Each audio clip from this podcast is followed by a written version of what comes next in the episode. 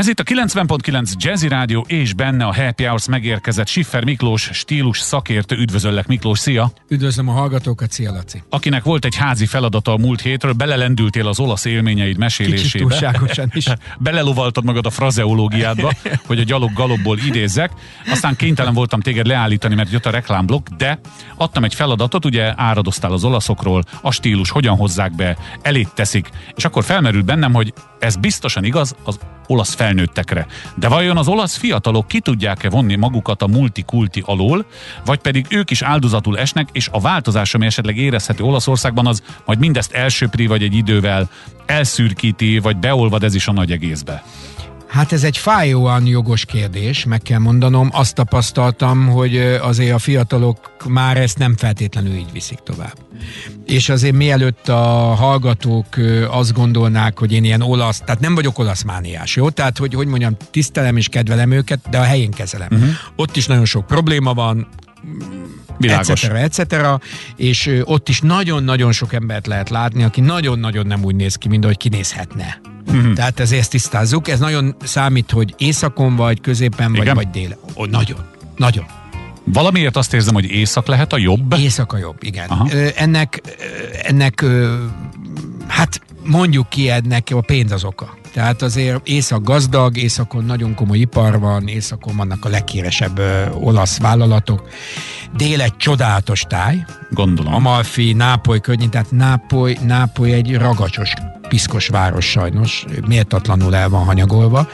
Ö, de például a kézi férfi ruhagyártás egyik mekkája, tehát ha. Nápolyban vannak a legnagyobb nevű kézi ruhagyártó cégek és ink cégek. Nyilván ennek megint tradíciója Világos. van. Csak nők varhattak inget, például régen, mert, a, mert a, az ink fehér neműnek számított, az férfi nem nyúlt. Úgyhogy ez anyáról lányára mm. vándorol a tudás, a tűfogás, a... de most ú, nagyon, nem akarok igen, elmenni. Igen, Ez egy jó téma egyébként a nagy szabászati fellegvárak, mert ugye Anglia és Olaszország. Jegyez meg, hogy Ezt majd róla. erről tudunk beszélni.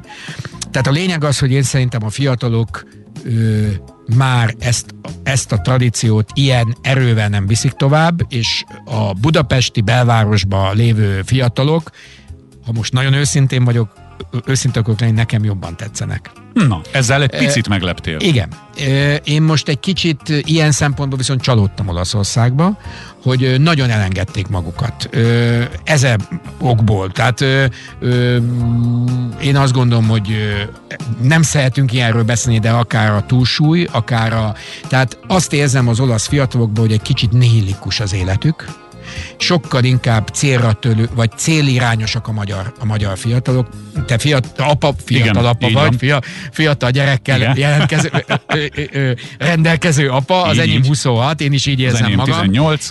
De hogy, de hogy tényleg azt látom, hogy a magyar fiatalokat meg pont elérte egy, megmutatom egy kicsit jobban magam, odafigyelek, és most nem a celeb Hagyjuk a majomkodásról beszélünk erről az egészről, hanem a valóságról. Tehát én ilyen szempontból viszont viszont egy kicsit csalódtam most mm. Olaszországból.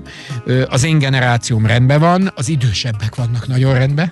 Igen, azok hát nagyon, ők, igen. Tehát amikor Vicenzában reggel elmentem inni egy jó kapucsinót, és majd a kávéról külön beszélünk, igen akkor megjött egy ilyen 70 év körüli idős úr, öltönybe ingbe, letette a nagy kerekű biciklit, tudod, azt a igen, nagy biciklit, igen. leült, kért egy kapucsinót, és elővett egy újságot, Laci. Újság. Érted? Mondtam is Anikónak, hogy újság. Tehát nem láttam újságot, olvasó embert, nem tudom, nem magazint, Igen, újságot, napilapot. és ő szépen végnézte a lap. Jól láttam, a végén a halálozásnál kezdte, de most ez mindegy. A lényeg az, hogy ez, ez a generáció ez el fog tűnni ott is. Az, hogy mindig marad az olaszokban valami plusz, ez adódik a könnyűiparból, adódik a divat, tehát azt szoktam mondani, hogy Milánóban eldobsz egy követ, az divat cégre esik. Aha. Tehát ott ennek olyan kultúrája van, olyan, olyan alapjai, de például Kómóba, ami a sejemgyártásnak a fellegvára, nagyon komolyan lehetett látni, hogy visszaesés van, és be vannak zárva a cégek. Hmm. Tehát ez a fajta válság, ami most ez söpör, szerencsétlen időszakban ez élünk, egy szerencsétlen időszak, de azért ha automákákba gondolkozol, akkor Olaszországban van minden. Ö, tehát, hogy világos. Könnyűipar, nehézipar, fegyveripar, Észak-Olaszország az egy mekka. Ehhez képest a dél, meg egy nagyon szegény terület, és ugye náluk ez egy nagyon komoly belső ö, feszültség, de ez nem ennek a műsornak van, a témája. Ö, még egy anekdóta, jó? Légy szíves. Ö, kávéról is van egy, meg a nápolyiakról. Na. Én Nápolyban is voltam egy párszor, és hát ugye Nápolyból tudni kell, ugye nagyon meleg van nyáron, télen sincs igazán hideg, nekünk az meleg, Igen. de nyáron nagyon meleg van, és voltam az egyik cégnél, hogy tényleg mindenki öltönybe, ingbe, nyakkendőbe, felöltöz, és mondtam, hogy na, komolyan kérdezem, hogyan? Tehát rajtam volt egy fehér nadrág, egy jersey ing, meg egy zakó, de majd meghaltam. Mhm. És azt mondták, hogy mi lassan mozgunk. Lassan mozgunk. Aha. Nem láttad az embereket? Mindenki ilyen, ilyen lassú. Tehát nem izzad le attól, hogy Rohan. Hogy, hogy rohan. Ez az egyik. A másik, ami egy nagyon szép szokás. Ugye az olaszok állítják, hogy a nápolyi kávé a legjobb kávé, hát ez az északiak meg ugye... Vitatják. És Nápolyban van egy nagyon szép szokás, amit megint csak egy olasz embertől tanultam, hogy a jómódú emberek két kávét fizetnek, amikor kávéznak, egyet a szegényeknek. És ha bemegy egy szegény ember a kávézóba, kap egy ristrettót. Na ezek azok a tradíciók, uh-huh. amiktől Olaszországban van valami muzsika.